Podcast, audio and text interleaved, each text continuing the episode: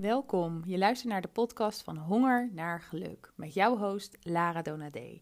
In deze podcast bespreken we van alles over eten, diëten, je relatie met jezelf, je zelfbeeld, eten en hoe je gezond in je vel kan gaan zitten. Het begint allemaal met de relatie die je hebt met jezelf.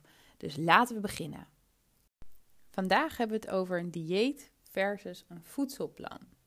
Oftewel restrictie versus vrijheid, zoals ik het zelf doe. Als we gaan kijken naar de definitie van een dieet volgens de dikke van Dalen, dan gaat het over een leefregel wat eten en drinken betreft. Bijvoorbeeld op medische gronden om af te vallen. Denk aan een glutenvrij dieet voor mensen met celiakie.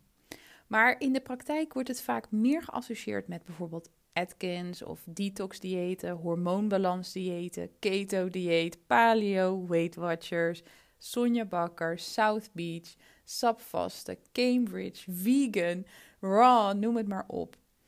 En de verhalen van mensen die deze diëten hebben gevolgd, zijn voor ons als overeters die gewicht willen verliezen, de lokkertjes om het eens te gaan proberen. Want zo denken wij, deze keer gaat het echt lukken. Want kijk dan, het is haar ook gelukt. 25 kilo in zo'n korte tijd.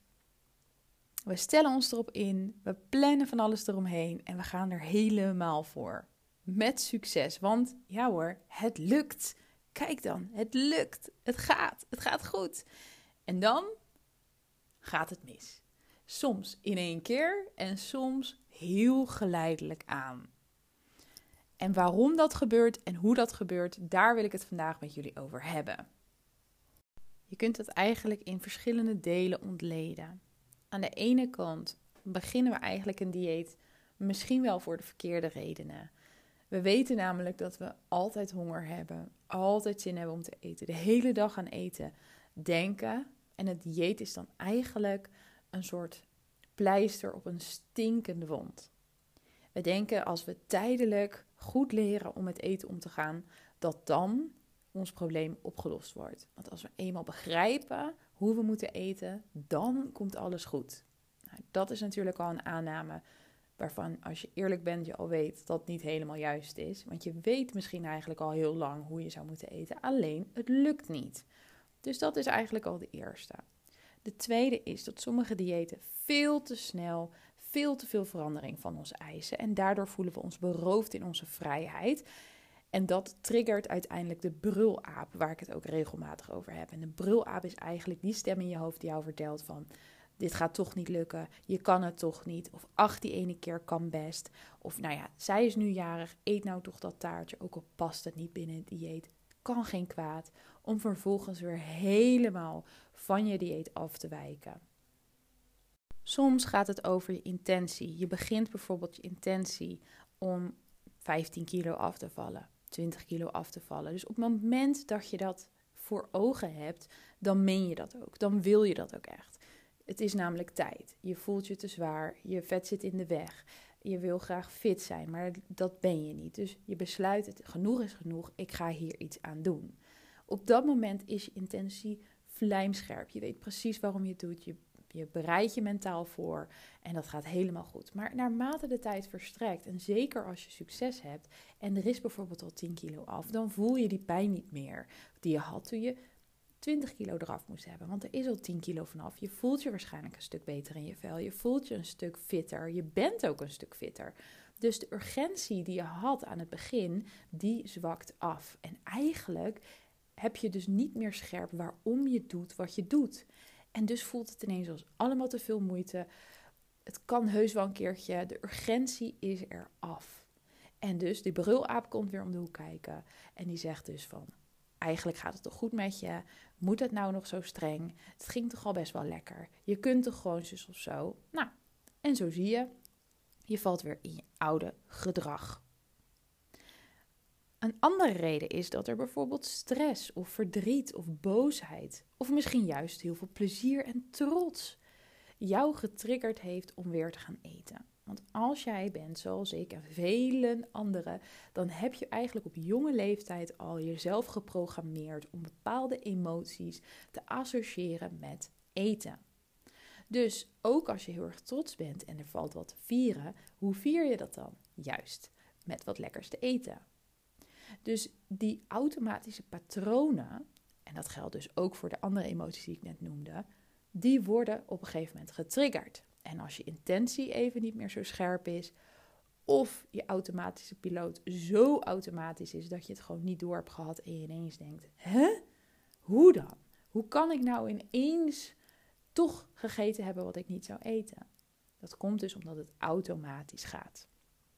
En dan kom je op een punt dat je of heel schuldig voelt, of heel erg schaamt, jezelf op je kop zit, dat het niet goed genoeg is gegaan of dat het helemaal mis is gegaan. En ergens besluit je dan, hoe kut dat ook is, dan beginnen we maandag wel weer opnieuw.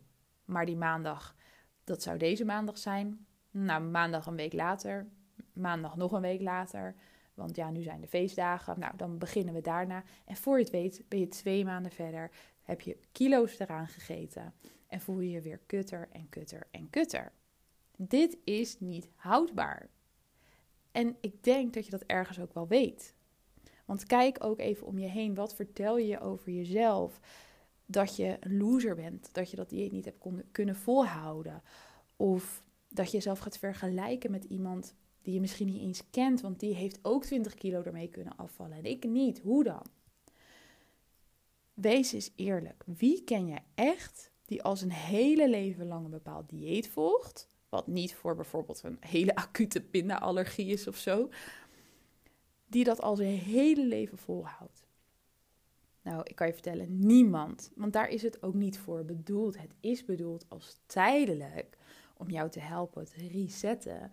Om vervolgens weer normaal te kunnen eten. Nou, dat is heel leuk als je een normale eter bent.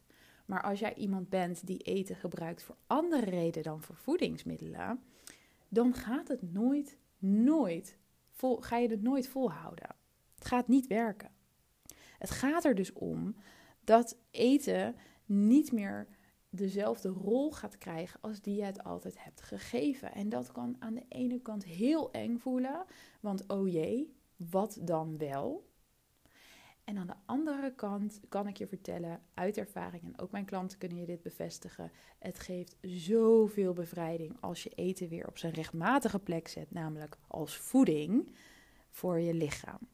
Nou, daarom gebruik ik dus altijd de term voedselplan. Want voedselplan gaat over een way of life. Het is geen dieet, het is een way of life. En laat me je daar wat meer over vertellen het voedselplan als een way of life, maar eigenlijk ook als hulpmiddel om je te helpen begrijpen welke momenten je bijvoorbeeld emotiehonger hebt en wanneer je maaghonger hebt, is echt een fundamenteel onderdeel geweest van mijn eigen herstelprogramma, van mijn eigen herstelroute. Een voorbeeld kan ik dus geven van mijn eigen voedselplan. Die is de loop der jaren regelmatig veranderd naar mijn behoeftes, bijvoorbeeld tijdens mijn zwangerschap. En ook daarna toen ik borstvoeding gaf. Maar toen ik helemaal in het begin was, was het voor mij heel belangrijk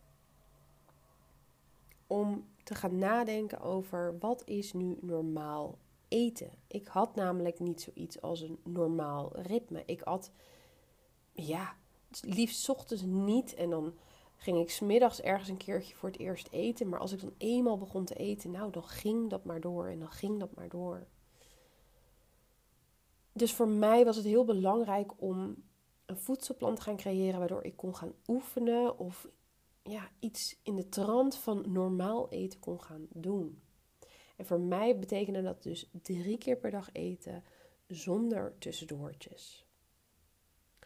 En nou ja, dat hoeft natuurlijk niet voor iedereen te werken. Maar voor mij, en zeker in het begin, was het echt een enorme houvast. Om drie keer per dag te eten zonder tussendoortjes. In die drie maaltijden had ik dan wel waar ik echt zin in had. Dus had ik heel erg zin in een stukje chocola bijvoorbeeld. Of uh, een stukje taart. Dan had ik dat binnen die drie maaltijden. Nou moet je dat dus niet zien als drie maaltijden die eigenlijk een soort drie bintjes werden. Nee. Het was gewoon zo dat ik orde in mijn dag schepte. Dat was voor mij op dat moment het belangrijkste. Orde en regelmaat. Nou is dit echt niet voor iedereen zo, dus daarom vind ik het heel belangrijk, ook met mijn klanten, dat we werken met een voedselplan die werkt voor jou. Je stelt hem dan ook zelf samen. Ik help wel met je mee te denken en ik stel je de juiste vragen om te gaan nadenken over wat is nou echt wijsheid voor mij. Want ik merkte bijvoorbeeld na een tijdje dat suiker in de vorm van chocola en taart een onwijze trigger was voor mij. En dat als ik dus tijdens een maaltijd dat gegeten had, dat ik dan eigenlijk de rest van de middag de hele tijd eraan zat te denken en eigenlijk wel weer meer wilde. En omdat ik dat op een gegeven moment niet meer wilde, heb ik ook een tijdje die dingen uit mijn voedselplan gehaald. Maar dat zijn dingen waar je samen in begeleiding heel veel over jezelf te weten kan komen en iedere keer weer een bewuste keuze kan maken. Maar het begint dus met het uitstippelen van het plan wat voor jou op dat moment werkt. Maar wat het allerbelangrijkste is, is dat je dus echt goed oplet. Zitten er genoeg eiwitten, vetten, koolhydraten en groentes en dat soort dingen in mijn maaltijden verwerkt, zodat ik kan gaan onderscheiden of ik te maken heb met een maaghonger of met een emotiehonger. Dus daarom gebruik ik een voedselplan als tool, als hulpmiddel in mijn trajecten.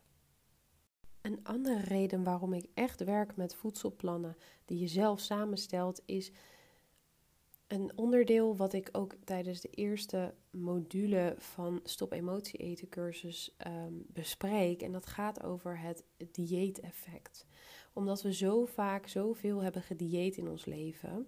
En zo'n weerstand hebben tegen andere mensen vertellen wat wij wel of niet mogen eten of moeten eten is een dieet op een gegeven moment gewoon gedoemd om te falen. En een voedselplan als hulpmiddel om het leven te gaan leiden, de gezondheid te gaan ervaren die jij graag wil ervaren, maar ook de mentale vrijheid die je graag wil ervaren, is dus een hele andere insteek. Ik vind dat een belangrijk onderscheid om te maken. Tevens gebruiken we hem dus als hulpmiddel om te gaan ontdekken wanneer wij emotie eten, wat onze emotionele triggers zijn. En dat gaat alleen maar als je dus geen fysieke honger hebt.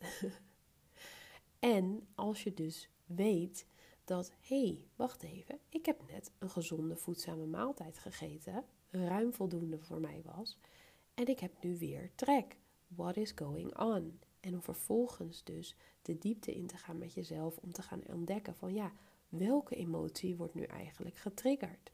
Wat is er aan de hand in mijn lichaam op dit moment? En om daar door middel van de verschillende tools die ik daarna ook kan aanbieden en die je zelf kunt aanleren, kun je jezelf dus gaan leren om jezelf te gaan reguleren.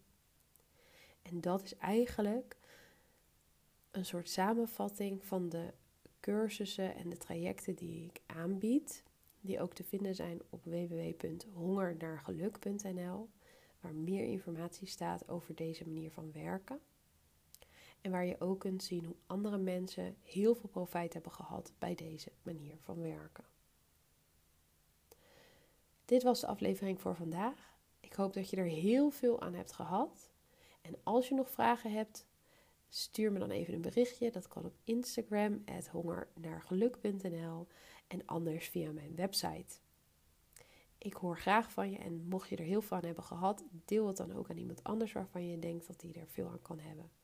En ik wens je nog een hele fijne middag of avond. Doeg, tot de volgende keer.